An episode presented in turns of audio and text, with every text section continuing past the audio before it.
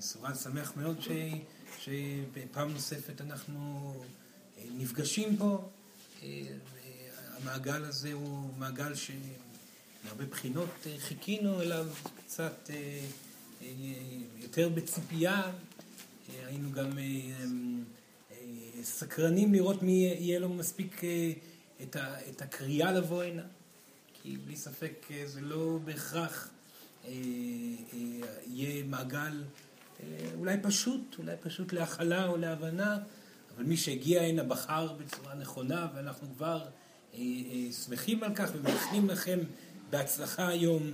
אז סורן כבר עכשיו מבקש, כבר עכשיו שכל אחד ינסה לוודא שהאנרגיה שלו מספיק פתוחה. אז פעם נוספת, לבדוק אם יש תקיעויות אנרגטיות בגוף שלכם, התנגדויות מסוימות, אם אתם מזהים כזה דבר שכזה, אז לוודא שאתם פותחים אותו. אם זה נגיעה במקום, זה תמיד עוזר. אולי תנועה ביד, או בכתף, או בחזה, או בראש, או בסנטר. רק לוודא שהכל באמת מאפשר ופתוח, גם למידע לעבור וגם לאנרגיה שכאן הולכת להיות פה היום, כי היום תהיה אנרגיה אה, אה, אה, יותר אינטנסיבית, יותר עוצמתית. אפשר ומי שיסכים ויאפשר ויהיה גם בתנוחה נכונה לזה, אז כל הבנות היקרות, או גם הבנים היקרים שמרגישים שהם צריכים לשבת אולי זקוף יותר בשביל לפתור את ההתנגדות הפנימית, אז זה יהיה טוב אם תעשו את זה, יהיה טוב. אמ, יש פה ישויות מסוימות שהגיעו הנה היום, במיוחד בשביל להעביר את הרטט הזה שהולך להגיע הנה אה, אה, אה, דרך כל מצבור הישויות שנמצאות פה. יש פה מעגל יפה וחשוב. אנחנו שמחים מאוד שהגעתם הנה היום, לא רק בשביל המידע, אלא גם בשביל החוויה האנרגטית. אם אתם מרגישים חום מוגזם, או, או אה, פתאום אה, אה, חוויות אנרגטיות משונות, אז לא להיבהל, זה חלק מהעניין, ואפשר לנוע כמו שאתם רוצים ולשנות תנוחה, אין שום בעיה עם זה, רק לוודא שאתם לא נמצאים בסגירות, לא ברגליים ולא בידיים. שלום. סורן מאוד אה, אה, שמח שבאתם הנה, אז, אה, ואנחנו נתחיל, אנחנו נתחיל. אז דבר ראשון, הפעם, כאשר סורן בחר את השם של הפגישה היום, יש לזה אמת. זאת אומרת, אנחנו הולכים לדבר על משמעות ניצחון הנשמה, על משמעות העיקרית של ניצחון הנשמה בגלגול הפיזי שאתם נמצאים בו. כמובן שאנחנו נדבר גם בצורה אה, אה, פרטנית יותר ויומיומית יותר, אך גם על החוויה האנרגטית הגדולה יותר, שאותה אנחנו רוצים להעביר היום. ומי שיהיה מספיק אמיץ לבוא ולקחת את הדברים גם לכדי פעולה ביומיום, זה מאוד מאוד ישמח אותנו, ומי שישמע את הדברים האלו, ומי שיעזר באנרגיה הזאת, אנחנו נעזור לו בתהליך הזה של ההשתחררות הגדולה שאתם יכולים, אם תחליטו לעשות אותה, בגלגול הפיזי הזה, ואפילו בימים הקרובים, מי שזה יהיה לו רלוונטי. כמובן שיש פה אנשים ברמות שונות של תהליכים. המידע עצמו יגבה כל מקום שאדם נמצא בו, ומול כל אה, סיטואציה שמולה הוא נמצא, אך אה, בסופו של דבר, סורן רק חייב להגיד שהמילים המסכמות שיהיו בפגישה היום הן חייבות לבוא על גבן של תובנות אה, יומיומיות אה, שכבר יצרו פעולה, זאת אומרת כבר קיבלתם תשובות מתוכם בפועל. והפעולות האלו הן הפעולות שעליהן אנחנו מדברים כל הזמן. זאת אומרת, ככל שהזמן עובר וככל שאתם מקבלים אה, מודעות גבוהה יותר, רחבה יותר, לא נגיד גבוהה יותר, אלא באמת, כי לא מדובר על גובה, מדובר פשוט על אומץ ולקיחת אחריות עצמית שאתם גדלים בה. אז ככל שהזמן עובר, אה, ההתמודדות נראית לעין כאותה התמודדות, התמודדות רגשית בלבד. וסורן מקווה שאתם כבר מבינים את זה ולא חודרים לפריפריה שוב ושוב, אלא בעצם מסתכלים על, ה, על המקום הרגשי שבו אתם נמצאים בעצמכם, ומנסים כמה שיותר לפתור אותו באופן אה, ברור ובמודע. להסתכל על הרגש שלכם ולמצוא את הפתרון הרגשי בכל סיטואציה בשביל לוודא שאתם מרגישים בנוח בכל סיטואציה. זה האימון כושר הנשמתי שלמענו באתם. והרבה פעמים זה ידרוש מכם ויתורים גדולים על אגו בשביל להרגיש בטוב אה, החלטה להפסיק להיות צודקים כל כך ולאפשר אה, למישהו אחר אה, לקבל את הצדק, ויהיו במקרים שבהם אתם תצטרכו לשנות מהלכים אקטיביים, כמו שכבר דיברנו, לשנות מילים מסוימות בשביל לחוות חוויה של הרגשה טובה יותר, לשפר את עצמכם בכל רגע קיים, כן? על זה אנחנו מדברים כל הזמן, שיפור עצמי באקטיביות היומיומית, למטרת שיפור ההרגשה, מתוך זה כבר הכל נפתח. מתוך זה אלוהים מגיבה בהתאם. אדם מאושר, חווה אושר בפיזיות שלו, אדם שסובל ונמצא במועקה, זאת אומרת שעדיין לא פתר אלמנטים מסוימים, לא התגבר על פחדים, אם זה בייעוד שלו, אם זה בזוגיות, אם זה אל מול הילדים, המשפחה, או אם זה בל, אל מול מצבו הפיזי, זה לא משנה. ההחלטות הרלוונטיות האלו, האקטיביות, ברוב המקרים, מאוד מאוד אקטיביות, והרבה מאוד מהמקרים גם תודעתיות של ויתור, כי גם ויתור הוא מקור מצוין להרפאיה רגשית, להרגשת שיפור. זאת אומרת, אם אדם נמצא בחתירה כלפי משהו שלא נמצא בהישג ידו, הרבה פעמים המועקה של הריצה אחרי הדבר עצמו, אה, תיפטר על ידי הוויתור המוחלט מהדבר שעליו אה, ואחריו אתם חותרים, ברמה תודעתית ורגשית הכוונה. זאת אומרת, מסורה דיבר על זה הרבה מאוד פעמים, כן, אבל החוויה, שלום, שלום, שלום, שלום.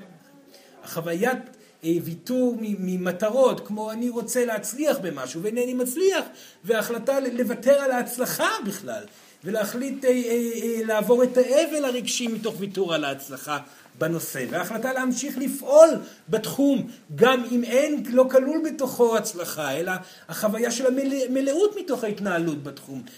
החוויה הרגעית, הרגעית, הרגשית, היא המטרה של כולם, של כולנו, גם כן הישויות וגם שלכם. כולנו חווים השתפרות והתקדמות אינסופית בנושא הרגשי, ויש אין סוף עוד לאן להתקדם. אתם נמצאים בסיטואציה חממתית ממש, של אפשרות לעבור טרנספורמציה מאוד גדולה בזמן מאוד קצר, וזה תלוי אך ורק באומץ שלכם לבוא ולוותר על הגישות העתידיות, על ההסתכלויות על מה יהיה בעתיד, על הפחדים, על הדאגות, על הציפיות, על המטרות, ושוב ושוב לחזור לרגע הקיים. מה עליי לעשות עכשיו ומיד בשביל לחוש טוב? מה עליי, אה, איך עליי להשתנות? האם עליי להתגבר מעל חומת אגו מסוימת? האם עליי להעניק עכשיו ולוותר על עקרונות? האם עליי לבוא ולהתעקש על דבר מסוים בגלל שלרוב אני מוותר אל מול דברים ולמד, ושלום, שלום, ואני רוצה ללמוד את ההתעקשות הזאת. זאת אומרת, כל, ה, כל האדם, כל אדם נמצא אל מול השיעור הספציפי שלו לחוויית השיפור רגשי. וזאת הסיבה העיקרית לכך שאתם לא יכולים לעשות השוואות. כל נשמה יש בה צבע רגשי שונה לחלוטין מהנשמה שנמצאת לידה, וגם נשמות שחיות ביחד באותו בית גלגולים שלמים, הצבעים שלהם הם הפוכים לגמרי, ולכן בית אחד ייראה לנשמה אחת בצורה אחת, ולנשמה אחרת בצורה אחרת, למרות שיש קרבה מאוד מאוד גדולה, וחיים יומיומיים, ואפילו חוויות רגשיות משותפות. הלבדות בתחום של השיפור הרגשי היא רלוונטית מאוד להבנה. הלבדות בכלל היא משהו מאוד רלוונטי להבנה. כי הרבה מאוד פעמים המועקות מגיעות מתוך ציפייה לקבל משהו ממישהו. אהבה מאדם קרוב, אה, אה, אה, תשובות מאדם קרוב, התנהלות שונה מאדם קרוב, או אפילו מאלוהים בעצמה. הטעות הציפייתית היא בלי ספק גורם מועקתי מאוד גדול. וכאשר אדם לוקח על עצמו את העובדה שאין פה אף אחד שיעזור לו בגלגול הזה, ואין כאן שום דבר שיכול אה, לעזור לו מבחוץ, אלא אך ורק הוא עצמו, אל מול ההתבוננות הרגשית שלו והשיפור הרגשי שלו עצמו, הוא פותח את הדרך אה, של המלך. ככה אתם קוראים לזה. הולך בכיוון הנכון, הוא נמצא בתנועה הנכונה, והרבה פעמים יש צורך מאוד גדול לקבל את הלבדות הזאת. להחליט החלטה, להפסיק לצפת, לצפות מהעולם החיצוני לתשובות. להפסיק לקוות שפתרונות אה, אה, אה, יגיעו מבחוץ, או תנחומים יגיעו מבחוץ. ולהחליט החלטה מודעת, לקחת אחריות על חייכם שלכם, ומתוך כך לשפר אך ורק את הרגשה העכשווית.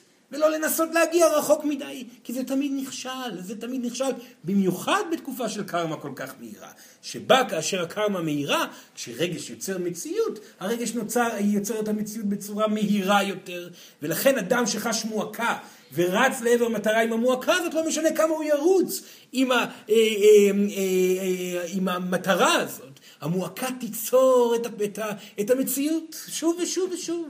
והפתרון המועקתי הרגשי יגרום לדבר להגיע אל, אל אותו אדם שחותר לעבר המטרה, יגרום למטרה פשוט להגיע אליו.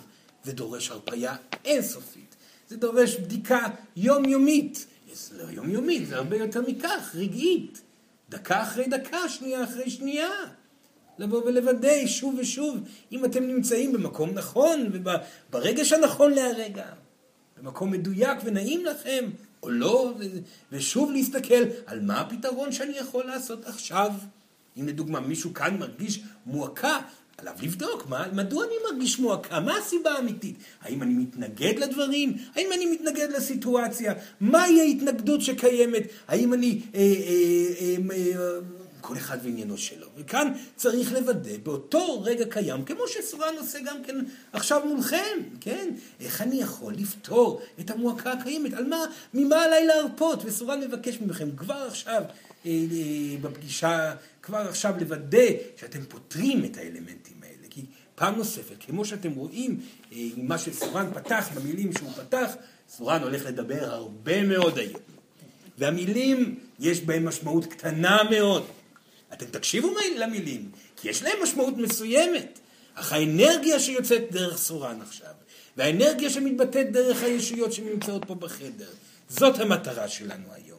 ההקשבה למילים היא חשובה, אך עליכם לוודא שאתם פתוחים למה שקורה כאן ממעבר. וכאן סורן גם כן ניצב במצב שיכול היה לחוש מאוד לא בנוח. גם הוא יכול היה להגיד, הסיטואציה הזאת, שסורן עומד מול קבוצה של נשמות, שאינן כל כך מאמינות עדיין בכל האמת הנשמתית, ונאבקות מול זה, ויכול סורן היה להגיד לעצמו, זאת בעיה, למה אתה עושה את זה לעצמך? מדוע אתה מתיש את עצמך שוב ושוב בסיטואציות קשות כאלו? הם יכולים לכעוס עליך, להתאכזב ממך, הם יכולים לבקש דברים שסורן לא יכול להעניק להם, הם יכולים לא להבין דברים, וכל המידע הזה, האגואיסטי, עולה כלפי מעלה, כך זה קורה אצל כולכם, יום יום, אבל סורן מחליט להניח את הכל בצד. כי הרגע הוא מה שקיים. והמטרה שלנו כנשמה, שמתבוננת על הרגשות ורוצה להתפתח בתוך הרגש, זה להרגיש טוב ברגע הקיים. ומה סורן יכול לעשות בשביל להרגיש טוב ברגע הקיים? במקרה הזה, לדבר. הוא פותח אנרגטית את הדברים, ונותן לאלמנטים לצאת ממנו ללא הבחנה. סורן לא התכונן לשיעור הזה, כמו שלא התכונן לאף שיעור אי פעם בהיסטוריה של נשמתו. הוא פותח את האנרגיה, והדברים זורמים דרכו. ובדיוק כך עושה האדם שסורן יושב בתוכו כרגע. אותה הרפאיה מלאה מגיעה לא מתוך מטרה להצליח במשהו, ממש לא. אם אתם תנסו להצליח, לא תצליחו להגיע להרפאיה. ההרפאיה המלאה מגיעה רק מתוך ההתעקשות הנשמתית של כל אחד מכם לחוש טוב ברגע הקיים ולא משנה מה קורה. לא משנה כמה הרגע מפחיד, מאיים, מדאיג, לפתור את עצמכם מהפחד ולהתמסר לרטט הזה שחולף דרככם שוב ושוב ושוב בתוך הסיטואציה הקדושה הזאת של ניצחון הנשמה. ומהו ניצחון הנשמה? הניצחון הוא מאוד מאוד פשוט. אל מול העולם הפיזי וההיגיון של העולם הפיזי, כאשר הנשמה מחליטה להוביל את עצמה החוצה ולהשתחרר מתוך האלמנטים הפיזיים ולנוע מתוך האינטואיציה אפשר לומר, או לנוע מתוך החוויה האנרגטית שעוברת דרכה. כאן קיים ניצחון הנשמה, כולכם מכירים את אלמנט הניצחון הזה, שבו אתם מתגברים על פחד מאוד מאוד גדול מתוך החלטה, כי אין ברירה. פותחים את האנרגיה ומחליטים החלטה להתמודד אל מול הדברים ולתת למה שרוצה לצאת החוצה, לצאת. זה יכול לקרות בעבודה, וזה יכול לקרות בבית, וזה יכול לקרות מול המשפחה ומול כל מקום. כאשר אתם חשים מועקה, קיים פחד. אם אתם חשים את הפחד הזה, צריך לבוא ולשאול את השאלה הבסיסית הקבועה, איך עליי לפתוח, לפתור את הפחד הזה, ואיך עליי, מה עליי לעשות, סליחה, בשביל לזכות באותו ניצחון נשמתי שכל כך חשוב לי להגיע אליו. חוויית הניצחון היא חוויית התאזנות אנרגטית. היא חוויה שפתאום אין בתוככם בגוף שום מועקה. הרגשה נעימה מאוד שמגיעה מתוככם, ישנו פחד תודעתי כלשהו, אך האנרגיה חולפת דרככם בצורה הרמונית לחלוטין. הרגשה של מלאות ושלמות. מקום כזה שאתם מגיעים אליו לפעמים, יכול להיות חלק מחייכם בכל רגע שעובר בגלגול. אף אחד לא אמר שרק במצבים מסוימים, כאשר אתם נמצאים על במה מסוימת ואין לכם ברירה אלא לפתוח את האנרגיה, או אם אתם, סליחה, נמצאים במקום של טיפול מסוים, או נמצאים במקום של יצירה מסוימת. אלו המקומות שלרוב אתם מרשים לעצמכם להיפתח ולהעביר את האנרגיה שלכם. אפשר להיות שם בניצחון נשמתי באחוז גדול מאוד מהיום. אך המטרה היא רגשית. אל תסתכלו על כל סיטואציה בהכרח אל מול הדילמה הפיזית שלה. התבוננו על המצב הרגשי ותבחרו את האקט הרלוונטי, את הפעולה, את המילה, את המעשה, שיגרום לאנרגיה להיפתח שוב ושוב, וכך אתם תחוו ותכירו את ניצחון הנשמה הזה. עכשיו, כמובן שזה קשה מאוד לחתור לדבר כזה אם לא קיבלתם כבר הוכחות בשטח, זאת אומרת בעולם הקיים שכאשר אתם מרגישים בטוב, אז דברים קורים בטוב. לכן, מי שעדיין בספק לגבי הנושא הזה, עליו עדיין לבדוק את העניינים. לשאול את עצמו מה עליו לעשות בשביל להרגיש בטוב ולהתחיל את המסע בכל תחום, בכל רגע קיים, בשביל לשפר את ההרגשה. מיד תראו כמה כל כך מהירה היום. זאתי הבטחה. אתם תראו כל כך מהר, מהר איך אלוהים תגיב להרגשה הטובה שלכם. היא תגיב באופן מיידי, דרך תוצאות שיבואו אליכם, אפשרויות שייפתחו, אהבה זוגית שתגדל ותגדל, משפחתיות שתתרחב. העולם הפיזי יגיב לשלווה שלכם תמיד. זה אף פעם לא העולם הפיזי יוצר שלווה פנימית, אלא שלווה שאתם נמצאים בה יוצרת את העולם הפיזי. וזה קשה לפעמים לקבל את העובדה הזאת. אתם עדיין נאבקים בזה באופן יומיומי.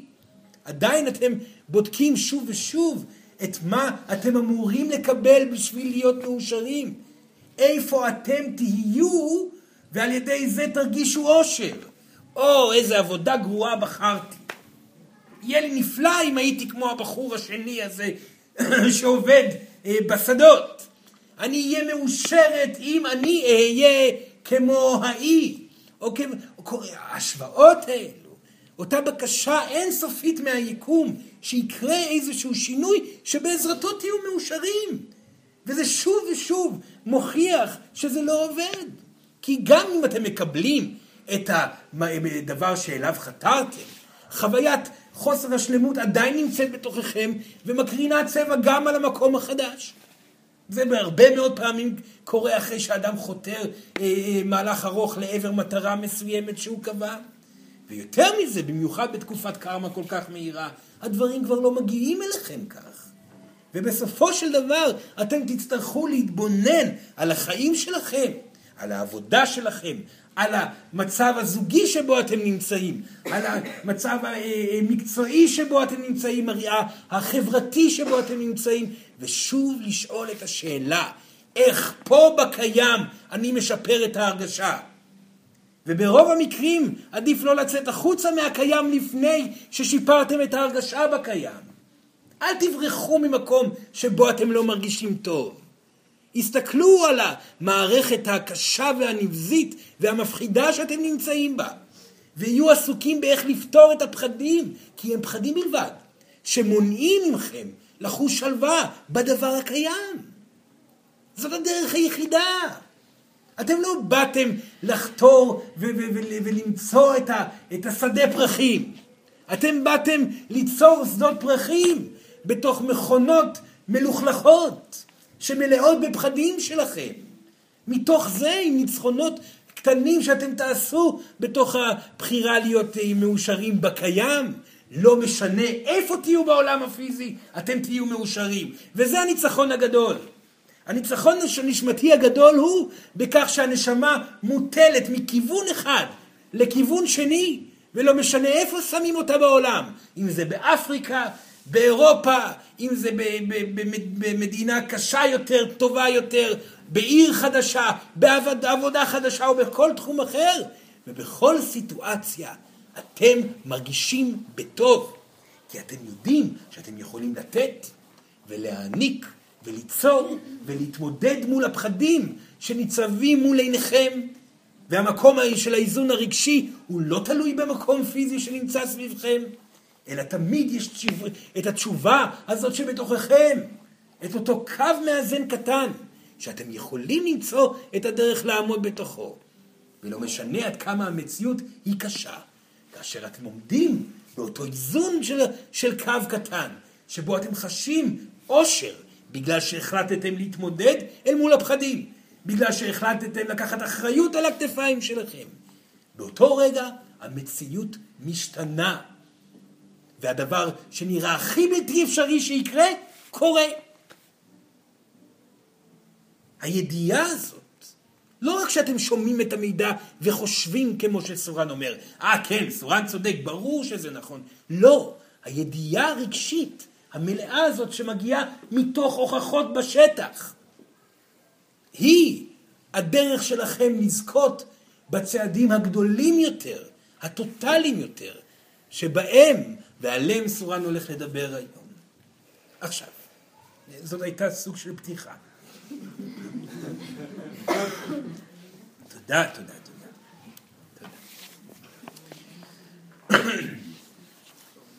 בשביל לזכות באותו ניצחון נשמתי, עלינו, עלינו, הנשמות שקיימות באינסוף האלוהי שבחרנו כולנו להיות בו, עלינו לקבל את העובדה שהמציאות לעולם לא תתעצב כמו שאנחנו חושבים ורוצים שהיא תתעצב.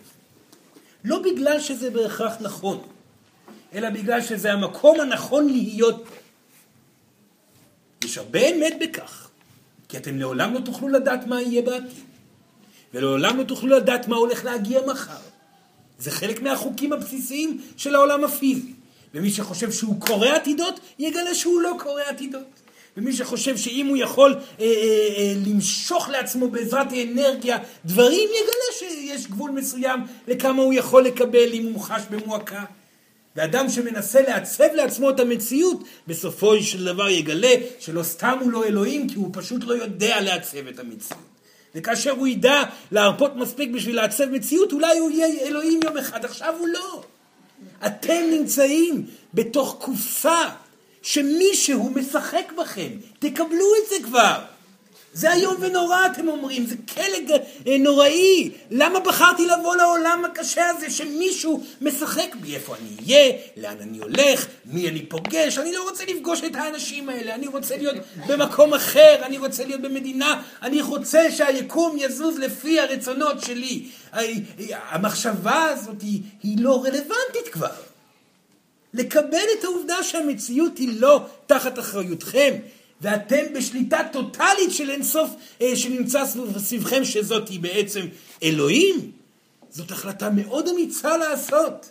ומתוך זה תגיע ההחלטה הפנימית שאם כך, אם אין לי ברירה ואני לא שולט בכלום ואם אני מתפללת כל היום וכל הלילה לזוגיות ולא מגיעה זוגיות אז כנראה שזאת לא הדרך ליצור מציאות. אז כנראה עליי לקבל את הקיים ועליי להבין שאין ברירה אלא לא להיאבק במה שקיים ולמצוא את הדרך להתמסר לקיים ולהיות מאושרים בו כי זה מה שנותר מה יכולה לעשות נמלה בתוך קופסה קטנה שיש ילד שמשחק בה כל הזמן? היא יכולה להגיד אני אעלה לקיר לפה והיא ינסה לחפור דרך הרצפה ויעשה כל מיני... זה לא יעזור, הילד רואה אותה מכל הכיוונים, הוא יעשה מה שהוא רוצה.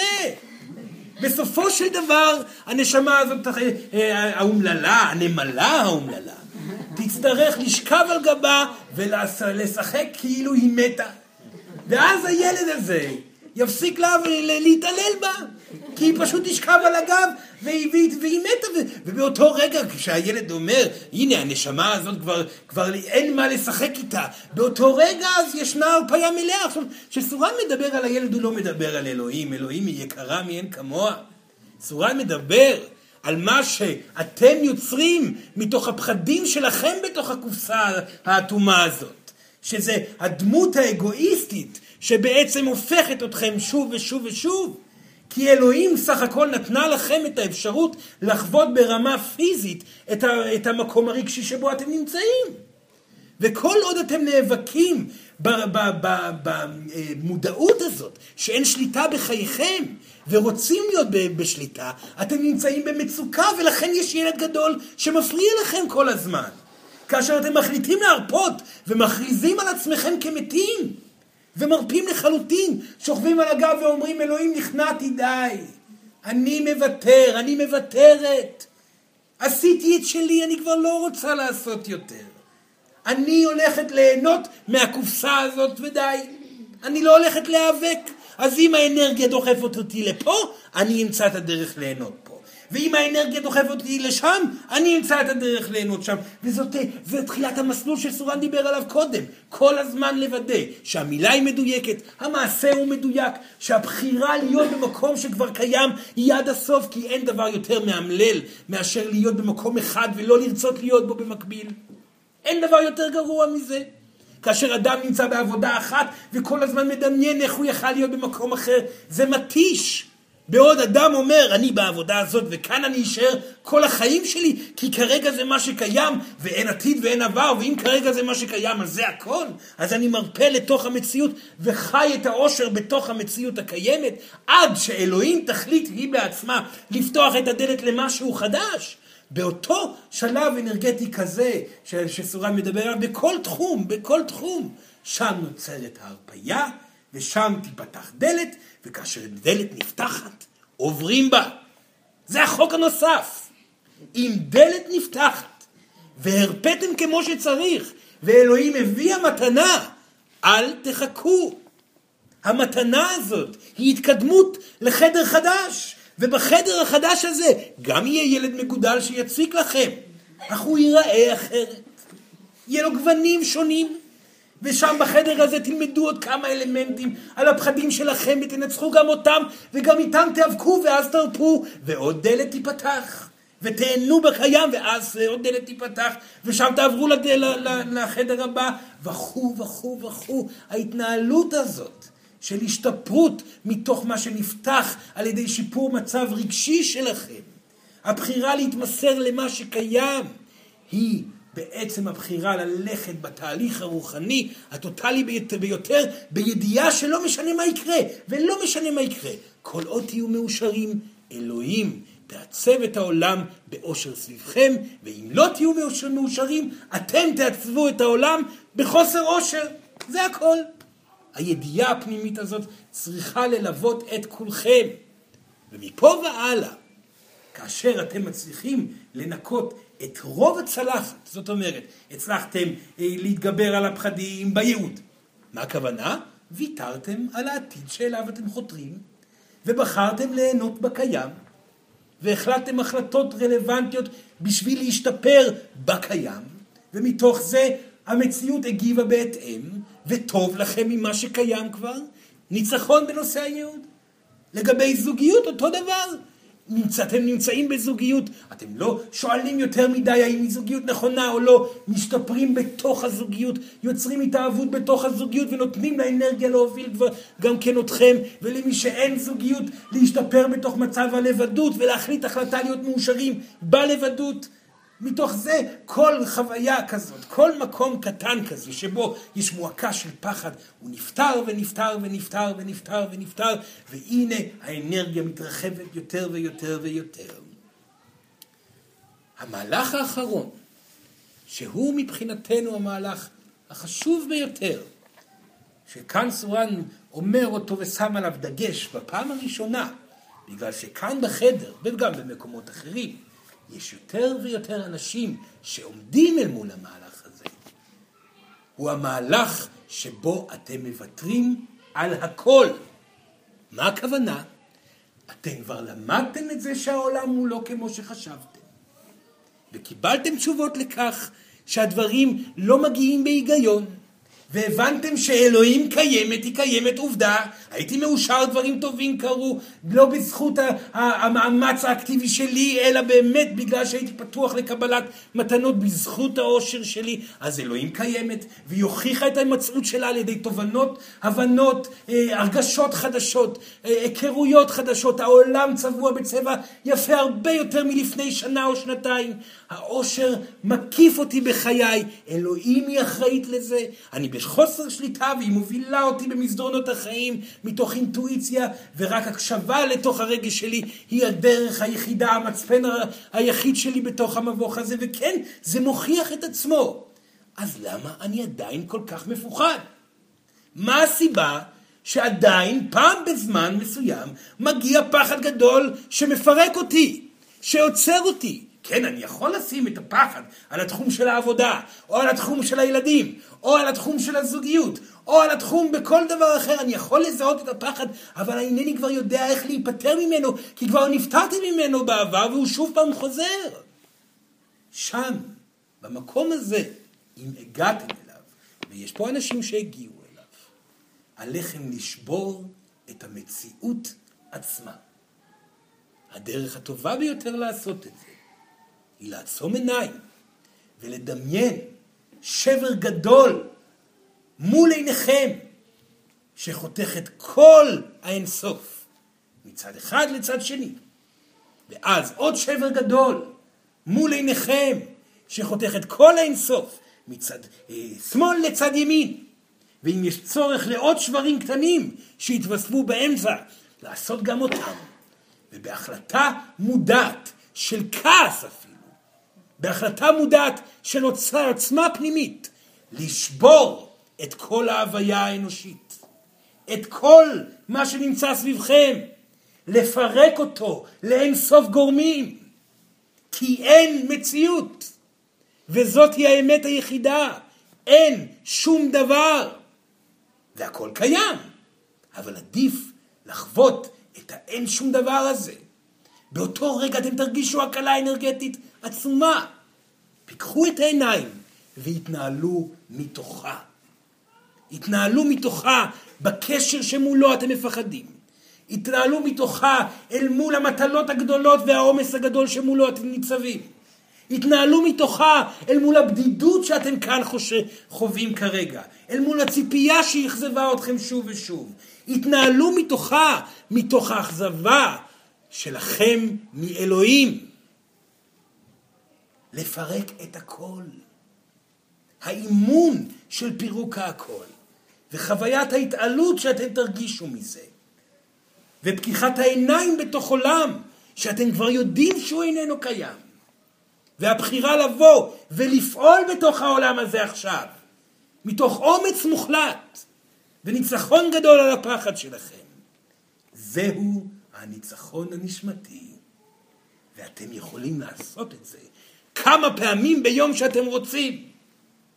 ותמיד יהיה ויתור מוחלט על החיים, עם משפט שזה סך הכל חיים, או זה בסך הכל מוות, או זה בסך הכל אחריות, או זה בסך הכל ילדים, או זה בסך הכל זוגיות, או לא משנה מה.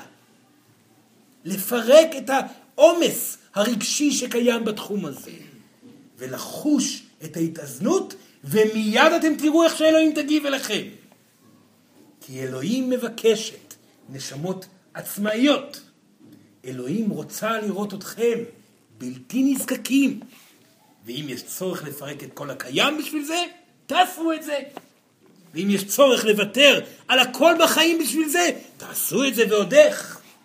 ואם יש צורך לבוא ולעשות פעולות שלא דמיינתם שאתם צריכים לעשות בגלל שאלוהים הביאה לכם את האפשרות לעשות את אותן פעולות ואותם שינויים, פרקו את הכל ותעשו את זה.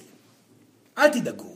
היקום ייבנה מולכם, מול עיניכם מיד, ככל שהפחדים יעלו עוד פעם ועוד פעם. הם, הם שוב מתאספים, הם כמו, הם כמו יתושים טורדניים, הפחדים האלו. לרגע אחד מעיפים אותם, תנו לזה עשר דקות והם יגיעו שוב. ואז עוד פעם תעיפו את הכל, והם יגיעו שוב. לאט לאט הזמן מתרחב. לאט לאט תצטרכו לעשות את פיצוץ היקום הזה פעם אחת ביום. ואז כבר תהיו בניצחון נשמתי של 90% מהיום. חווים את החיים הללו, מבלי המועקה, מבלי הפחד, מתוך הרגשת איזון ובחירות במשחק של החיים, מתוך ידיעה פנימית שזה סך הכל משחק. מצוין. זה הזמן לשאלות ולשאול בצורה מבקש, להישאר פקוחים ופתוחים. תנו לאנרגיה לעבור, זה עוד לא הסתיים. כן. תודה. בבקשה. כן, כל שאלה שעולה בדעתכם. כן. שניהם שאלו ביחד, מצוין, כן. שאלוהים מביאה משהו. כן. אז איך אני יודעת אם אני צריכה לקבל את זה ככן, או צריכה לומר לעצמי, אני צריכה לומר עכשיו לא כדי להתמודד עם גבולות, עם, אה, עם אה, פחד מסוים. איך אני יודעת מתי זה כן, אני it, מתי אני ארדף את זה. כן. במקרים שאלוהים מביאה משהו, שהוא כבר מוכר מאוד בחוויה של ויתור עצמי בתוך הדבר הזה. לדוגמה, יש לכם אה, אה, עסק חדש. החלטתם שאתם מעצבים אירועים. עד עכשיו לימדתם ילדים איך לנגן בפסנתר. וניגנתם בפסנתר, ולימדתם ולימדתם ולימדתם את הפסנתר, בסופו של דבר כבר השתעממתם מהפסנתר, והחלטתם לעזוב את התחום, ואז נזכרתם במה שסורן אמר, ואמרתם לעצמכם, לא, זה מה שקיים, עליי ללמוד ללמד פסנתר, כל חיי וכו' וכו', אני מלמדת פסנתר, הגיעה הנאה פעם נוספת, הרפאיה מהמטרה האחרת שהייתה בראשכם, ולא משנה מה, היא נפתחת דלת, ואז הדלת הזאת שנפתחת היא כולה מלאה באור. היא מפחידה מאוד כי היא דורשת הרבה מאוד שינויים. זה כיוון נכון. אך אם כבר עשיתם מעבר לחדר החדש, ואתם עסוקים באין ספור דברים בתוכו, ופתאום מצלצל לטלפון ואומרים, צריכים אתכם ללמד פסנתר פעם נוספת, אבל אין לי זמן ללמוד פסנתר. אבל אני חייבת לעשות את זה כי אני כל כך מפחדת כלכלית. כי אם אני לא אלמד פסנתר, יש סיכוי שלא יהיה לי כסף. הפחד פה מניע אתכם לתוך העבר, שוב, לא מתוך צורך אמיתי. יש חוויה של מועקה, כי זה שוב דבר ידוע ואתם יודעים שזה ויתור אנרגטי על עצמכם. שם שימו גבול. כל עוד זה משהו חדש ומאתגר, עם הרגשה של חדש, להתנפל עליו. ואם צריך, לשבור את היקום, ואז להתנפל עליו. בסדר? מצוין. כן, בבקשה. אה, בהקשר למה שדיברת על החדרים, על הסוג של הקופסה ושנפתח הדלת. כן. אני אקח את זה בהקשר של עבודה. נניח שאתה נמצא בתוך תפקיד מסוים, ופתאום סיימת את השיעור שלך ונפתחה לך איזושהי דלת. אתה אומר, תסתער בכל הכוח כן. קדימה. זה אומר שזה אף פעם לא נכון, כאילו, איך אני אמור לדעת אם זה לא נכון, נגיד, חצי חצי. לא להסתער כולי קדימה, אלא דווקא להיות, כן להיכנס לדלת החדשה, אבל מצד שני, אולי יש איזשהו רצון או משהו להישאר. סורן, סורן יענה על זה. אדם שיש לו בעיה להישאר במקום אחד, בגלל סיטואציה חברתית מסוימת, סיטואציה אגואיסטית מסוימת שאותה הוא עדיין לא פתר. אז אם האפשרות השנייה נפתחה, עדיף שגם יישאר במקביל באפשרות הקודמת בשביל לוודא שהוא ניקה את כל הפינות בחדר, הקודם. אחרי שניקה את כל הפינות בחדר והיקום יגיד לו, ניקית את כל הפינות, אתה חופשי להתקדם בדרך, שם תוכלו לעשות את זה בצעד מלא קדימה. בסדר? אז זה מאוד תלוי באדם עצמו, ואם יש לו התנגדות מאוד גדולה, להישאר בחדר הקודם. אם, יש, אם אין התנגדות גדולה להישאר בחדר הקודם, רוב הסימנים זה לכך שאתם יכולים להתקדם לחדר הבא. לא, סליחה? כן. אם בן אדם יש לו התנגדות מאוד מאוד מאוד גדולה להתקדם, למה הדלת בעצם נפתחת? אם הרי בסופו של דבר אנחנו, בן אדם יש התנגדות, הוא רוצה להישאר במקום שלו. כן, כן. לא זה כבר הצורך הנשמתי להתפתחות. זה כבר אלוהים משחקת את המשחק שלה, היא יודעת היטב מה אתם צריכים. אם דלת נפתחה ואדם מרגיש אה, אה, אה, אה פחד מאוד גדול לעבור אה, שם, ומרגיש שהוא איננו יכול כי זה גדול עליו, אז יכול להיות שהוא יישאר עוד קצת זמן שם בפנים, ולא לדאוג, אם ויתרתם על אפשרות אחת, אלוהים היא מאוד סלחנית. היא לא אומרת, אה, נתתי לו מתנה, אני לא אתן לו מתנה נוספת, זה ממש לא נכון. אלוהים אומרת לו, הוא לא קיבל את המתנה הזאת, יש פה היגיון, זה היה סממן למה יכול להיות בהמשך, שיישאר עוד קצת, המתנה תיפתח שוב. מתנות תמיד נפתחות שוב. אלוהים תמיד תפתח את הדלת שוב. זאת המשמעות של הרוח, זאת המשמעות של האינסוף. מי אמר שיש חוזה? אין חוזים בעולם הרוחני, אין חוזים בעולם האמיתי. חוזים לרוב, מי שקבע חוזה בכתב, או אני אהיה עם הגבר שיגיע אליי, ולא משנה אה, כמה רע אהיה, אהיה לי, אני אהיה עם הגבר הזה לנצח נצחים. היו נשים שקיבלו ככה את הגברים שלהם. אני אהיה עם הגבר ואני לא אתלונן, אני לא, רק תביא לי את אהבת חיי. הגיע הגבר, היה נחמד בהתחלה, מתברר שיש על מה להתלונן. ומתברר שהגבר הזה הוא לא כל כך באמת גברי, וניסיתם להיות מבוסנות, וניסיתם להשתפר מולו, והוא מתנגד בתוקף להתמודד אל מול הפחדים שלו, אז כמה אפשר עוד להילחם? די, בסדר, הבנו, תודה. אני רוצה ילדים, רוצה משפחה, כנראה זה לא איתך. להתראות, ואני ממשיכה לחדר הבא. במקום כזה של המשכיות מלאה לחדר הבא, אה, אה, מתוך הפתרונות שכבר יצרתם בחדר הקודם. תמיד, תמיד, תמיד תהיה כאן התקדמות מאוד רחבה, וגם אם היה חוזה חתום ביניכם, כמה שרוחני שח... שחשבתם שהוא יכול להיות, אלוהים תגיד, בסדר גמור, בואו נחתום עוד חוזה. אז מה החוזה החדש? אז אני רוצה גבר, כן, אבל אני מעדיפה שהוא כבר יהיה בוגר. ושהוא ידע שהוא רוצה משפחה, ולא ישחק עם זה יותר מדי. ואני יודעת כבר עכשיו שזה כבר פחות משנה איך הוא נראה, אלא יותר משנה לי איך הוא נוכח איתי. אז בואו נעשה חוזה חדש, אלוהים. אם תביא לי את הגבר הזה, אני לעולם וכו' וכו'. יגיע הגבר הבא. לא לדאוג, אלוהים אוהבת אתכם. היא לא תתקע אתכם במקומות לא ראוי, ראויים לכם. אף פעם. תתאזנו במקום הקיים, והדלת תיפתח שוב. מצוין. כן, כן. בבקשה. לגבי שבירת המציאות. כן. רק אתה מציע לעשות רק בפחדים, או כל יום בבוקר שאתה קם לעשות, זה לשבור את המציאות אחרי זה. בסדר, בסדר, בסדר, בסדר. אז סורן, סורן כבר יגיד פעם נוספת, חשוב מאוד לסורן להסביר את זה. שבירת המציאות מיועדת בעיקר לאנשים שכבר הצליחו להתגבר אל מול הפחדים הגדולים העיקריים שלהם. שכבר עשו עבודה רגשית בכל מיני תחומים והצליחו לנצח פחד בלבדות ופחד כלכלי וכו' וכו', כל מיני. והפחדים נדבקים אליהם כמו זבובים. שבירת המציאות היא אה, אה, שריר שצריך לפתח. בסילוק זבובים, שוב ושוב. וככל ששבירת המציאות היא יותר טוטאלית, ככה הזבובים מתרחקים בצורה טוטאלית יותר, ולוקח להם יותר זמן לחזור בחזרה. אז השאלה כמה פעמים לעשות את זה, אם כבר הגעתם למקום הנכון, כל רגע שאפשר. כמה פעמים שאפשר. בטח, כמובן. חבל לבזבז גלגול ולא להתאמן על זה, נכון? אז אם הגעתם למקום הנכון, אז כמה פעמים שאפשר. בבקשה, כן.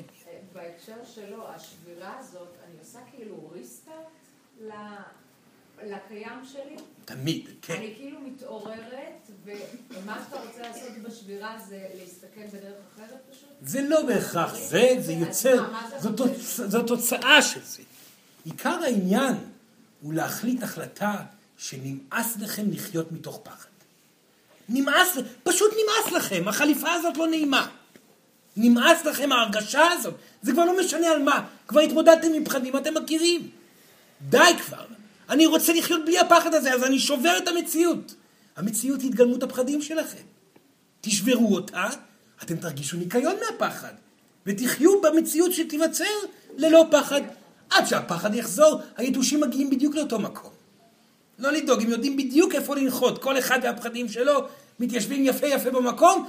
השאלה היא לא אם היתושים יחזרו, הם יחזרו, הם תמיד חוזרים. השאלה היא עד כמה שבירת המציאות הייתה מלאה טוטאלית ועד כמה עוצמתית וכמה זמן ייקח ליתושים לחזור בחזרה. בסדר? מצוין. כן, רגע, כן, כן, כן. ערב טוב. ערב טוב. דיברת על שמירת המציאות, ואצל זה קרה כמה פעמים, עד שלפני שלושה שבועות בערך, זה הגיע לטוטאלי. כן. זאת אומרת, יש אשליה ויש אמת. כן. יש, אה, נגיד, העולם ויש... כן, כן, ברור מה שסורן... אחרי שבירת המציאות מגיע שלב אחר, שאני ראיתי אותו ולא דיברת עליו. כן. אבל דיברת עליו לפני חודש וחצי שהיית פה. כן. כשהייתי פה במדיטציה, והזכרת את זה בשנייה לפני הסוף. כן. הריק, כן. יש ריק.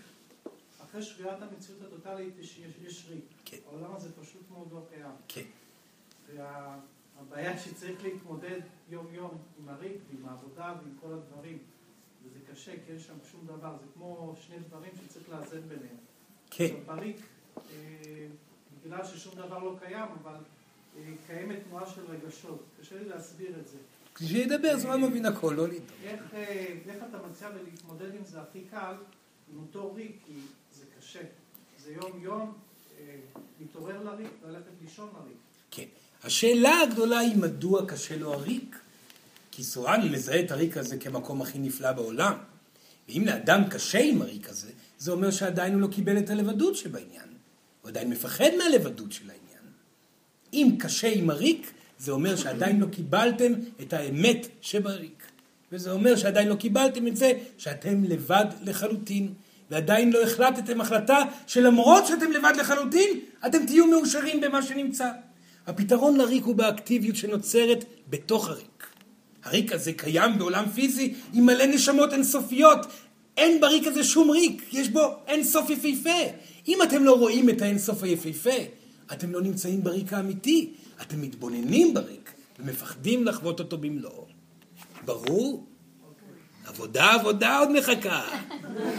כן, כן, כן. בבקשה. אה, רגע, רגע, רגע, היה שם... להגיב לו, להגיד משפט אחד. כן. יש אה, משפט בודהיסטי מאוד יפה שאומר, יש הר, אין הר, יש הר. כאילו, תבין, כולנו חיים את המציאות, ואז פתאום מבינים שאין פה שום מציאות. ברגע שאנחנו באמת מבינים שאין מציאות, אז אנחנו רואים, וואו, זאת המציאות. רואים את המציאות כמו שהיא, וההר יותר יפה, יותר מפואר, אתם יכולים לחוש כל טאבו, בכל... אה, אה, אה, אתם יכולים לראות אותו פנימה והחוצה, את כל החיות שנמצאות בתוכו, אתם יכולים ברגע אחד להיות למעלה ולמטה, או להישאר מתחת להר ולא אכפת לכם ולא משנה לכם שום דבר, כי אין כלום ויש הכול. כן, בבקשה. כן, כן, כן. דיברת על התמודדות עם פחדים, שבירת מציאות על ידי. השאלה היא, אם התמודדת עם פחד מסוים פעם אחת, בוא נדבר על גובה. יש פחד מגובה, עשיתי אצלך חושי. כן. זה לאו דווקא... זהו, פעם אחת ניצחתי את הפחד, הוא לא קיים, כי אני עדיין מרגיש שהוא קיים. לא, לא, ממש לא. פחד מגובה הוא לא פחד מגובה. פחד מגובה הוא לרוב או פחד מהמוות או פחד משליטה. זה לא קשור בהכרח לגובה. הפתרון של התעמתות אל מול הגובה זה פתרון פריפרי לרוב המקרים. זאת אומרת שאפשר לקפוץ מגובה, זה עוזר ונחמד, אך הבעיה היא, היא פחד אובדן השליטה. אז איך לומדים אה, את פחד אובדן השליטה? רגשות. מאבדים שליטה רגשית. אם הוא מפחד מגובה, הוא מפחד מהעוצמה הרגשית של עצמו. כי אין נפילה יותר מגובה מאשר נפילה עם הרגשות של הכאב או העצב שצריך לבטא, כי זה באמת לאבד את הכל. בסדר? אז זה רק אה, פרצוף של פחד גדול יותר. כן. כן.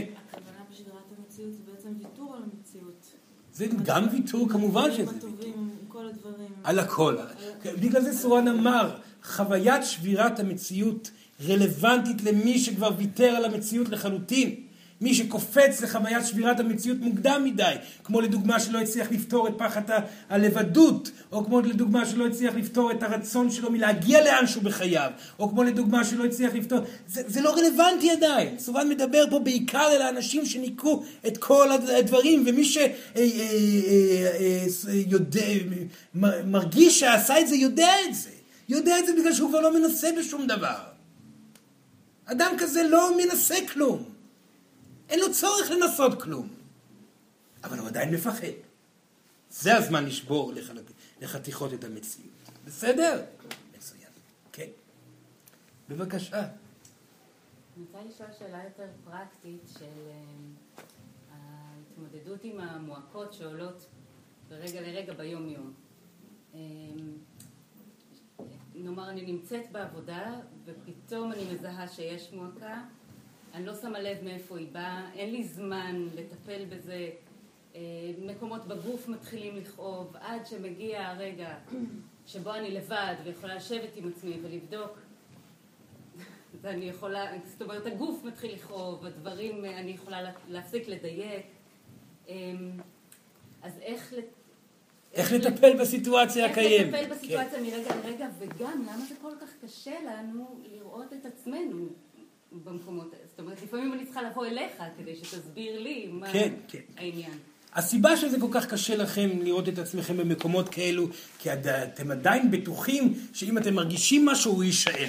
שזאת שטות גמורה, רגש מגיע, הוא ילך בהמשך.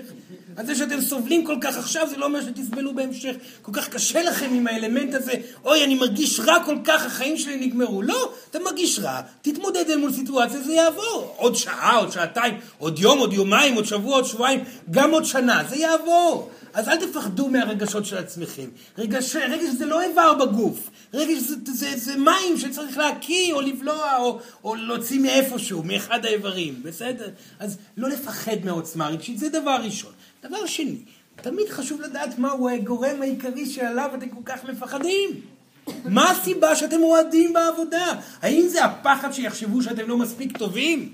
האם הפחד עצמו הוא בכך שלא יהיה לכם כסף? אז התמקדו בפחד עצמו, לא פתרתם עדיין אותו. לא קיבלתם את התשובה הטוטלית לגביו, כי כאשר תקבלו את התשובה הטוטלית, אתם תצטרכו להשתמש בה שוב ושוב ושוב. בעבודה עצמה. אני מפחדת שלא יאהבו אותי בעבודה ויפטרו אותי. אז יפטרו אותי, זה כבר עשית בבית אתמול. יפטרו אותי, אני הולכת לעבוד במקום אחר, אני אחזור, טה טה טה טה טה. כל הסיפור הזה של המקרה הגרוע ביותר כבר הפך להיות החבר הכי טוב. אז אין שום בעיה רק להגיד את שמו של החבר הכי טוב, שהיה הדבר הכי מפחיד קודם, והוא מיד השתלט על הסיטואציה הקיימת. חייבים להפוך את הפחד לחבר הכי טוב, לפני שבוחרים להתמודד אל מול הפחד בגרעין שלו שוב ושוב ושוב. יחזו את הגרעין ביד, אז תוכלו להסתכל עליו בכל רגע שהפחד עולה. ברור ילדה. מצוין. כן. כן, כן, כן. בבקשה.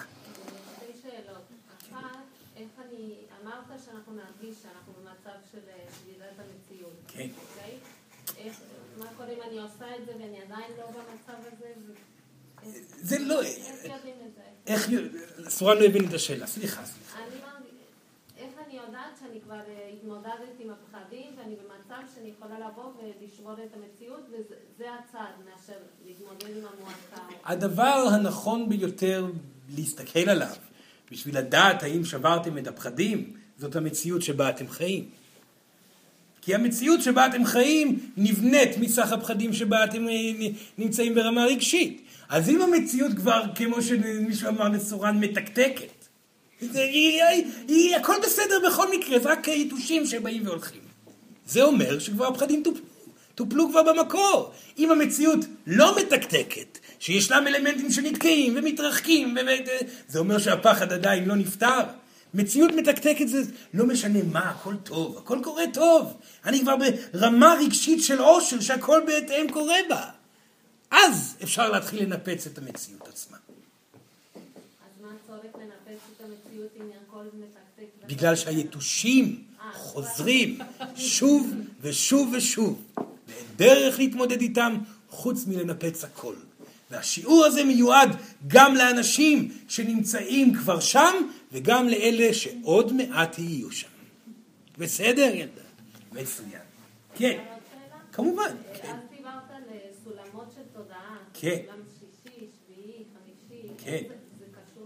זה קשור מאוד לזה.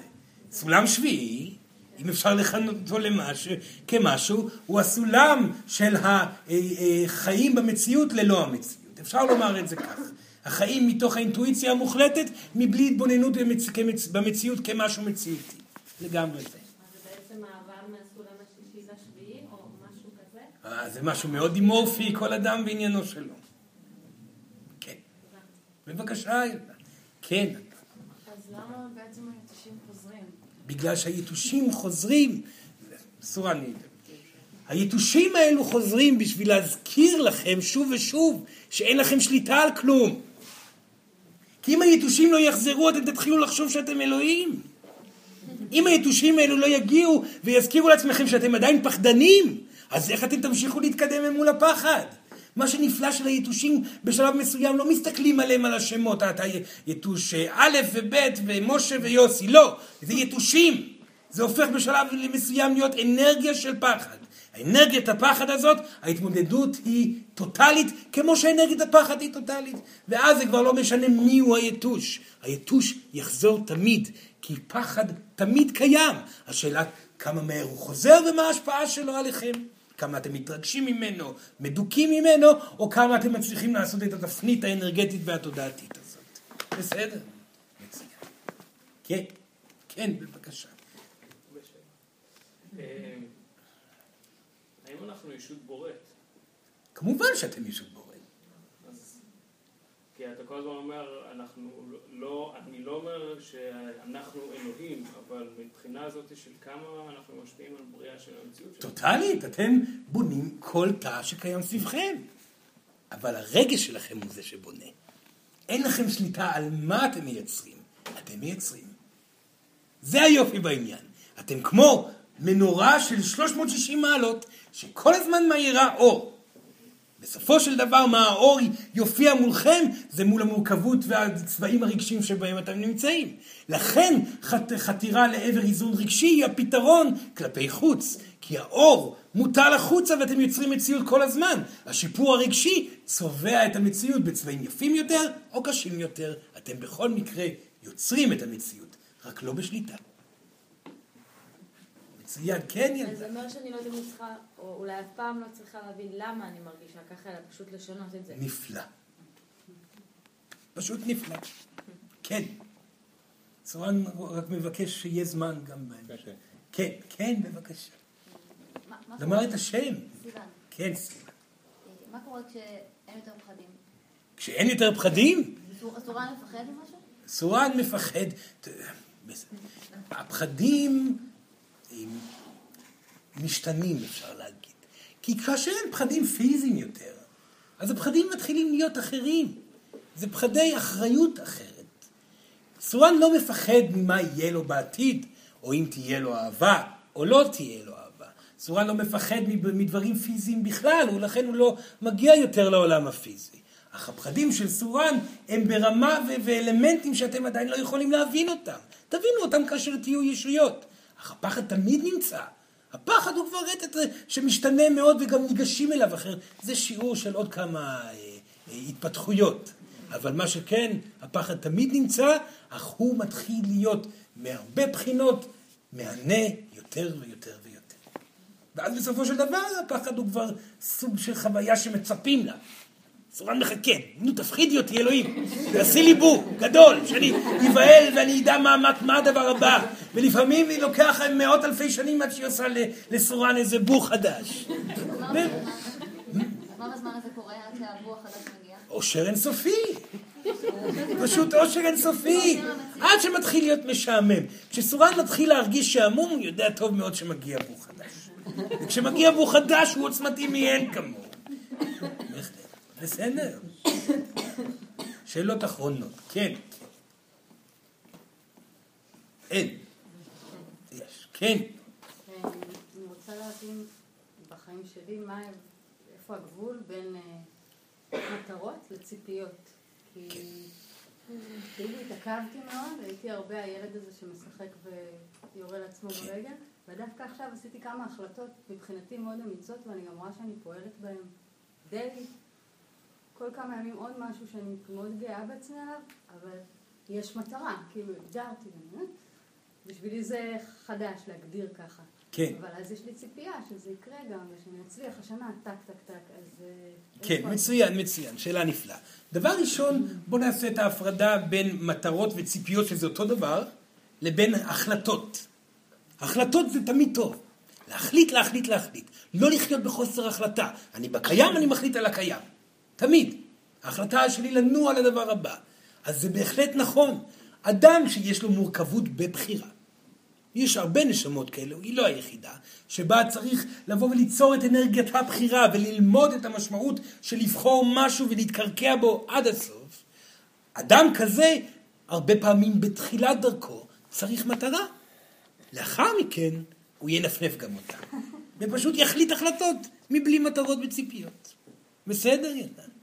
הכל טוב במקום שבו היא נמצאת.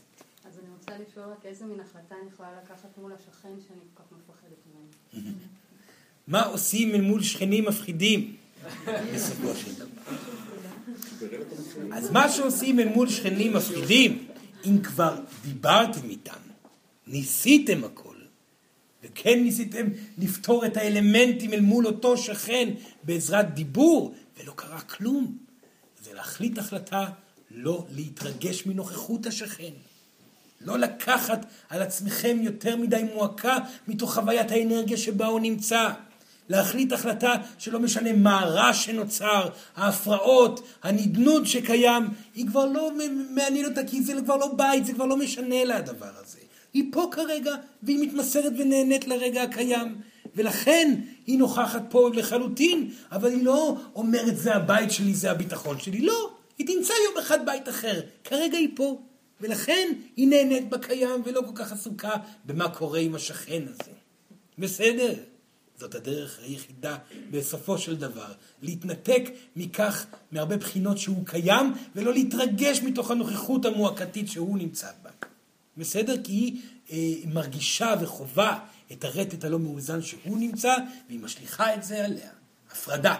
זה רק היא קיימת, הוא שיהיה בעצמו לעשות את ההפרדה המלאה וזה כרגע המקום שבו היא נמצאת ולא לנצח היא תישאר שם. זה סואן אומר לה. בבקשה. כן, כן. רגע אחד, דעת ואז... אוקיי. אה, לפעמים אני... לפעמים אני מזהה את הפחד מגיע, אני רואה אותו, ואז אני יודע לפעול מולו. וזה רגעים שבהם אני מצליח לתפקד פחות או יותר בסדר. הרבה פעמים אני מוצא את עצמי מתפקד באיזשהו אוטומט רגשי פסיכולוגי שאני לא רוצה, שאני לא אוהב, ואז אני אומר, רגע, למה זה? ואז אני אומר, אה, הפחד יושב עליי. כן. ואז יותר קשה להיפטר ממנו גם. בגלל שהוא זיהה את הפחד. בגלל שהוא כבר יושב, אני כבר מגיב אליו, אני כבר בתוך התגובה הרגשית הזאת או האוטומטית שהיא כבר לא רלוונטית אליי. כן. זה אותו דבר כמו שסורן אמר קודם, אותו דבר בדיוק, שתהיה תשובה ברורה. התשובה הברורה היא משמעותית מאוד, אתם עדיין בשלב התשובות הברורות, אתם עדיין שם. ניפוץ האינסוף, ניפוץ הקיים, מגיע אחרי שלב התשובות הברורות, בסדר? להתעכב על התשובה הברורה, שירים אותה בכל רגע שהפחד מטפס. בסדר? מצוין, מצוין. כן, בבקשה. יש סיכוי שבכלי שיש לנו כרגע, אנחנו יכולים לראות את התהליך ולהבין אותו מראש? כמובן, זה מה שנפלא כל כך בכלי שיש לכם כרגע. הכלי שנמצא בתוככם כרגע, יש בו את הדמיון. למען זה הדמיון קיים. הדמיון יכול לראות את המעבר, את חוויית השלמות שמגיעה ממעבר. בעזרת דמיון אפשר לזהות את הניצחונות על הפחדים, והדמיון הוא כלי לנצח פחדים. בשביל זה דמיון קיים, וכמעט ואך ורק בשביל זה. יש לו לפעמים דברים נוספים, אך ככל שתשתמשו בדמיון לניצחון על פחדים מלפני שהם מגיעים, כך תזכו גם בחוויית המלאות שאתם יכולים להגיע אליה ולחוות אותה בצורה מלאה לפני שאתם חיים בה כבר. וזה כבר ייתן לכם את היכולת לחיות בה בצורה יותר מלאה בהמשך. כן. חווה את התהליך. ואני רואה לאן זה מוביל אותי, ואני, כשזה מגיע, אני, אני קולט שזה הגיע, והבנתי שהוא מוביל אותי לשם. וזה מעורר לי כעס. כי כאילו אני מרגיש שיש פה משחק, שאוקיי, הבנתי, בסדר, אני מבין את התהליך. איך אני יכול, איך אתה יכול לעזור לי להתמודד עם הכעס? הכעס עצמו מגיע מתוך תסכול, בגלל שחוויית הפחד עדיין נמצאת בפנים. אדם שרואה את התהליך תודעתית ולא מקבל את סיום התהליך רגשית, יחוש תסכול, יחוש מרומה. הפתרון הוא בסופו של דבר לא רק לעבור את התהליך ויזואלית או דמיונית, מדובר פה גם על תהליך רגשי שצריך לקרות, עם פתרון רגשי. הפתרון הרגשי הוא המטרה, ואם אתם לא תהיו מספיק אמיצים להכיל גם את הפתרון הרגשי, לא תבוא השלמות המלאה. עדיין תהיה הרגשת כעס. בסדר. מצוין. שאלות נפלאות היו היום. יש עוד שאלה אחרונה אחרונה. כן, כן באמת אחרונה סורן מצטער. כן, כן. אה, איזה עצה מעשית אה, למי שרוצה להתנסות ולשבור את המציאות, איך עושים את זה? קודם כל סורן מזכיר שוב. שבירת המציאות היא רלוונטית למי שיש לו תשובות ביד. תשובות אל מול שבירה של פחדים קונקרטיים. לאחר מכן, שבירת המציאות נעשית בדיוק כמו שסורן דיבר. חתך אורכי, חתך רוחבי, אין סוף מתנפץ לאין סוף חלקים, ונשארתם בריק. והריק פותחים עיניים אליו מתוך השלמות. אך קודם כל שלב התשובות. בסדר? מצוין, מצוין. סורן מודה לכם מאוד על המפגש היום. יניח רק מקום לכמה מילים חשובות שסורן ביקש אה, שידבר. אז להישאר במקום וכבר... אה, זהו, זה הכל. תודה רבה, תודה רבה. הוא ביקש ממני לספר משהו על אה, חוויה שהוא העביר אותי בנושא הזה. לפני כמה שנים, שבדיוק נגמרה לי מערכת יחסים והייתי מאוד מאוד, נמצאת, הייתי בתוך הבלגן של, של עניין הזוגיות מאוד, של האם יהיה לי זוגיות, לא יהיה לי זוגיות, למה לא, למה כן. עדיין נאבקתי בפחדים האלו ולא לא הייתה לי עדיין את התשובה, את התשובה הזאת שהוא דיבר עליה, שמרימים מול העיניים כל הזמן. והלכתי לחבר, לנוח, כי כשאין ילדים נכים, ושכבתי על הגב בסל, במקום יפהפה, וזה היה סל אה, הודי כזה, מעפן כזה, שיש לו את השלושה צבעים, כמו דגל כזה, והיה אה, בארסל, אני זוכר שכבתי ככה, והסתכלתי על השמיים דרך הארסל, והיה חלק אחד צהוב וחלק אחד אדום. או ירוק ואדום, אני לא, אני לא זוכר בדיוק. ואז אה, סורן בא, בדיוק באמצע, ושאל אותי אם אני, אם אני רוצה לעשות איתו מסע. כאילו, ואני, אני בתכלס אה, אף פעם לא נמשכתי למסעות אסטרליים יותר מדי, כי כשהייתי מגיל ככה 12 עד גיל 18, זה רוב מה שעשיתי, וזה כבר די איבד את, ה, את התוכן של זה, ו... ו ואמרתי, יאללה, נו, אין לי מה לעשות אה, יותר מדי. ואז אה, הוא אמר לי, סבבה, וקח אותי למסע. זה היה מסע ממש טוב. הוא לקח אותי לכוכב אחר, ש... וזה היה בהנחיה שלו, זה מה שמגניב במסעות האלה לנסוען. זה כאילו הוא מדבר, הוא מדובב באוזן את הסיטואציה, מה שנקרא. אז הוא אמר לי, בוא תראה את הכוכב הזה. ראית את, האדום ואת הירוק? זה הקטע של הכוכב הזה.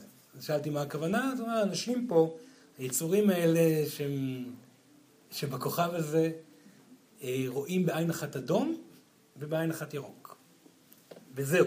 הם רואים בעין אחת אדום ואחת ירוק, ובכל ההיסטוריה הם ראו בעין אחת אדום ובעין אחת ירוק. ו... זאת אומרת, הם רואים, אבל זה גוון אדום וגוון ירוק, וזה מה שיש. ואמרתי, וואלה, מגניב, מעניין. ואז, אה, ואז, אה, לא, זה, זה גם באמת עניין אותי, כאילו. ואז ואז הוא אמר, אתה רואה, מה, מה, מה, ממש התחלנו מה, מההתחלה, כאילו מהבסיס ההיסטורי שלהם. הוא אמר לי, טוב, תראה, ככה, ככה, ככה וככה קרה, אני לא יודע, זה היה שעות, כאילו, נראה לי, זה היה כמו לראות national geographic, אה, בלי, עם כל התחקירים הכי קטנים, שאני שואל שאלה, מקבל תשובה, זה היה מרתק מהבחינה הזאת. זה התחיל מזה ש, שהיה להם אמונה מסוימת, שמי שנמצא בצד הימני האדום, אז הוא חש תחושה מסוימת, ומי שבצד השמאלי הירוק הוא חש תחושה, לא, זה לא תחושה, זה התחיל מ, מ, משד ו, ו, ו, ואלוהים.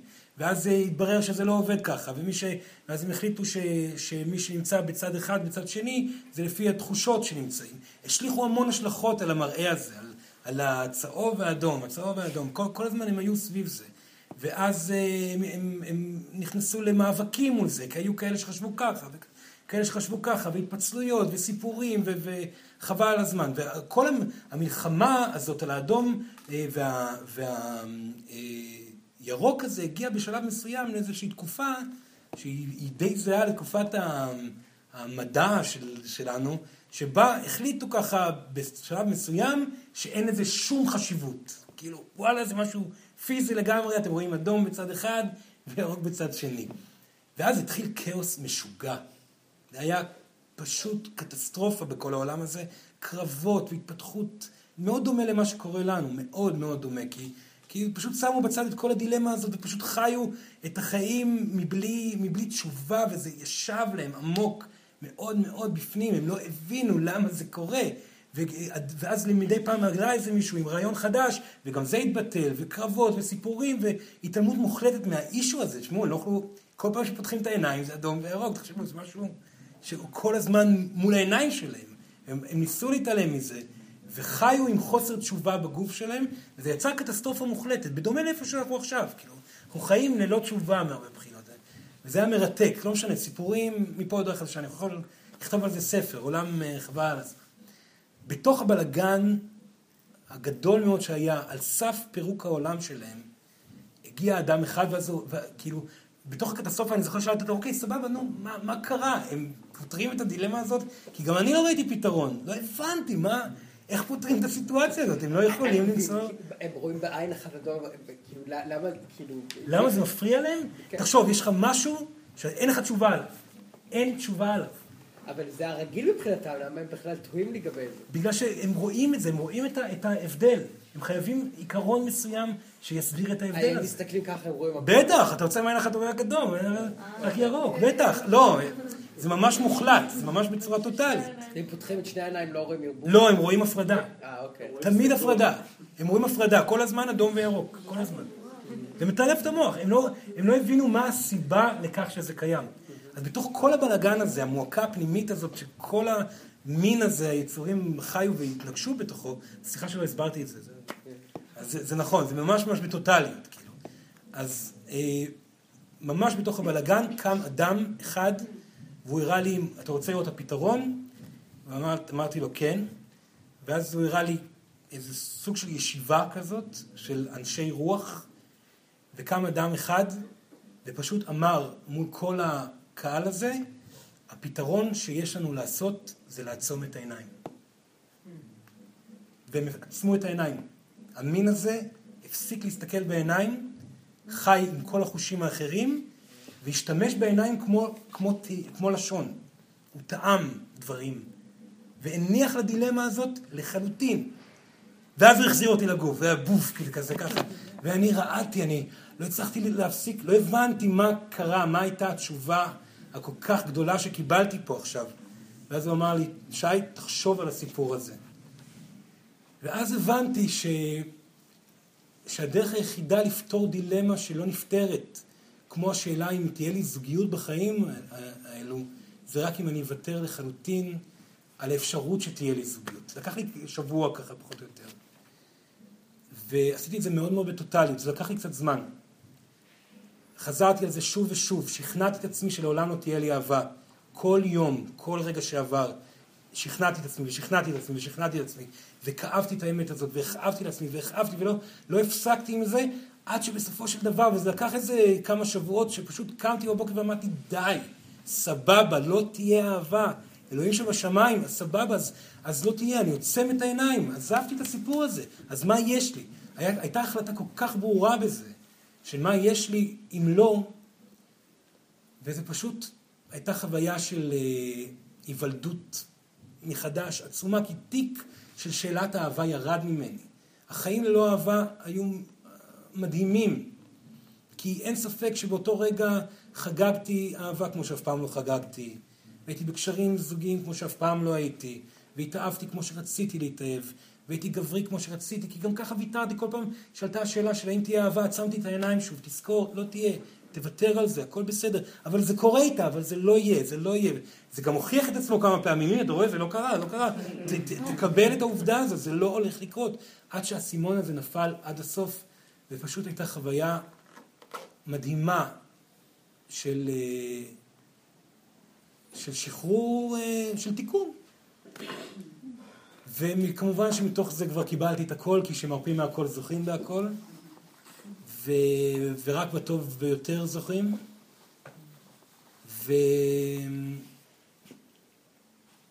ומשם והלאה אני עושה את זה להכל. כל תחום שעולה בי פחד, אני אפרק אותו. אני לא מתמודד יותר כבר עם השאלה, אתה רוצה משהו? רצית להיות משהו גדול? אתה לא תהיה. לא תהיה עד שאני מקבל את זה בפנים, בכל תא בגוף שלי. והמניע היחיד שלי להמשיך את העבודה שאני חשבתי שאני אעשה את זה למען הצלחה, זה רק ההנאה הרגשי, הרגעית שלי. או, או, או גם עכשיו, אם אני מפחד בתוך אהבה, ש, ש, אשתי המהממת תקום ותעזוב אותי, כי זה אפשרי. אז, אז אני לא מושלם עדיין. אז, אז אם, אם עולה בי הפחד הזה, אני אומר, טוב, אז זה יקרה, אז לא, לא נורא, אז, אז אתה תתמודד, אתה תבכה, תעבור את האבל, ותחזור עוד פעם לחוויה הזאת של, ה, של השלווה, בידיעה של, שלא נורא, אז אין, אז הכל טוב ויפה. כי אני כבר מכיר את זה, התשובה הזאת קיימת לי מול העיניים. אני משתמש בה כל יום בכל תחום. כל תחום, ממש. כל פעם שעולה בי פחד, התשובה, אותה תשובה קבועה. אז לא יהיה לי כסף ולא יהיה לנו שום דבר, לא נורא, נסתדר, יהיה בסדר, נלך, אני אלך לעבוד בחקלאות, דווקא יהיה כיף. נמכור את האוטו, נעשה... התשובות כבר קיימות, אני כבר לא מפחד מהאפשרות שלא יהיה כלום. אני פירקתי את הדבר הזה, ואני נותן את עצמי את התשובה הזאת בכל תחום, פיזי. הגעתי למקומות שאני לא רוצה להגיד אותם פה בפה, כי זה לא, לא נעים. פחדים הכי גדולים שעלו לי, אפילו הם מול הילדים. דברים מאוד גדולים שכבר התמודדתי איתם ברמה רגשית, וראיתי את הסיפור של איך אני מתמודד עם זה הלאה, וכמה, מתי אני, כמו שהוא הראה לי את הסיפור בנשיונל ג'אוגרפיק הזה, ככה עשיתי בכל תחום בחיים שלי, ויש לי את, את התשובות האלה שאני פשוט מרים מול העיניים כל פעם שהפחד עולה. זה עובד מעולה. זה אדיר. אני, אני ממש ממליץ לכם את זה. זה חוויה של כל פעם לחיות בלי תיק על הגב ולהיות בטוטליות בקיים. כל פעם, שוב ושוב ושוב. הוא ביקש ממני שאני אה, אתאר לכם את הדבר הזה. עכשיו, פיצוץ המציאות זה משהו שאני עובד עליו בחודשים האחרונים. אה, הוא קשה מאוד לעשייה, אני חייב להגיד, הוא דיבר על זה בצורה כזאת, אה, תכף זה קשה טילים, כי, כי אתה שוכח שאתה צריך לפוצץ את המציאות, זאת הסיבה העיקרית. אתה עומד מול ערימה של פחדים, כי, כי אז היתושים האלה שהוא תיאר, הם מגיעים עם כל האלמנטים ביחד, בבת אחת, ומסחררים לך את הראש, אתה צריך להגיד, רגע, וואו, זה לא קיים פה. זה סך הכל חיים, די, תתעורר על עצמך, די, כלום לא קיים פה. בום, פיצול של המציאות. היום לדוגמה עשיתי את זה. עשיתי את זה, וברוך השם שעשיתי את זה, כי אם לא הייתי עושה את זה, אני לא חושב שהייתי יכול להכיל את האנרגיה של סורן בתוכי היום. אה, בתקווה שאני אעשה את זה כל יום. אבל, עוד פעם, הוא אמר את זה קודם, וחשוב לי גם להדגיש את זה. מי שאין לו את התשובות האלו, לא, זה לא רלוונטי עדיין, הפיצוץ הזה. צריכים לבדוק את זה. לבדוק באמת את, ה, את, העניין, את העניינים בתוככם ולראות אם יש תשובה על כל דבר. ואז אחר כך לעבור לשלב הבא. אז מי שבשלב התשובות, פשוט ללכת עם הפחד עד הסוף, בסוף אחרי האבל הגדול בדמיון שלכם, אחרי הדבר הכי גרוע שיכול לקרות, מגיעה התשובה, מגיעה עצימת העיניים, הוויתור המוחלט, והחלטה להתקדם מבלי להסתכל, פשוט לא להתייחס לדבר הזה. דרך אגב, אני חייב, לסיכום, החוויה שלהם, של עצימת העיניים, הם לא ויתרו על הראייה. הם כן יכלו לפתוח את העיניים ולראות מה החפצים שמולם. הם ויתרו על, ה, על הראייה כראייה, והסתכלו בה כחוש ממלא כלשהו, כמו טעימה. זה כמו, כמו חוש הטעם, בצורה כזאת או אחרת. והחוויה שהם היו בה, אה, אני ביקשתי לקראת סיום להרגיש מה שהם מרגישים בחוויה הזאת. זו הייתה, חו... זו הייתה חוויה של, אה, של הרפאיה מוחלטת מהמציאות. של לחיות בריק, כמו שנאמר קודם, בהר אמיתי, כאילו. אה, וזה די נתן לי את הכוונון למה שאני צריך לחתור. זהו, זה ביקש שאני אסתר. אז חבר'ה, שיהיה לנו בכיף. ובהצלחה גדולה, זו משימה לא פשוטה, אבל היא אפשרית מאוד מאוד מאוד מאוד מאוד מאוד. מי ייתן ונחגוג את החיים האלה ללא פחדים בכלל, מבלי להגיע לשום מקום. שום מקום. יאללה. מכיר בהצלחה והצלחה.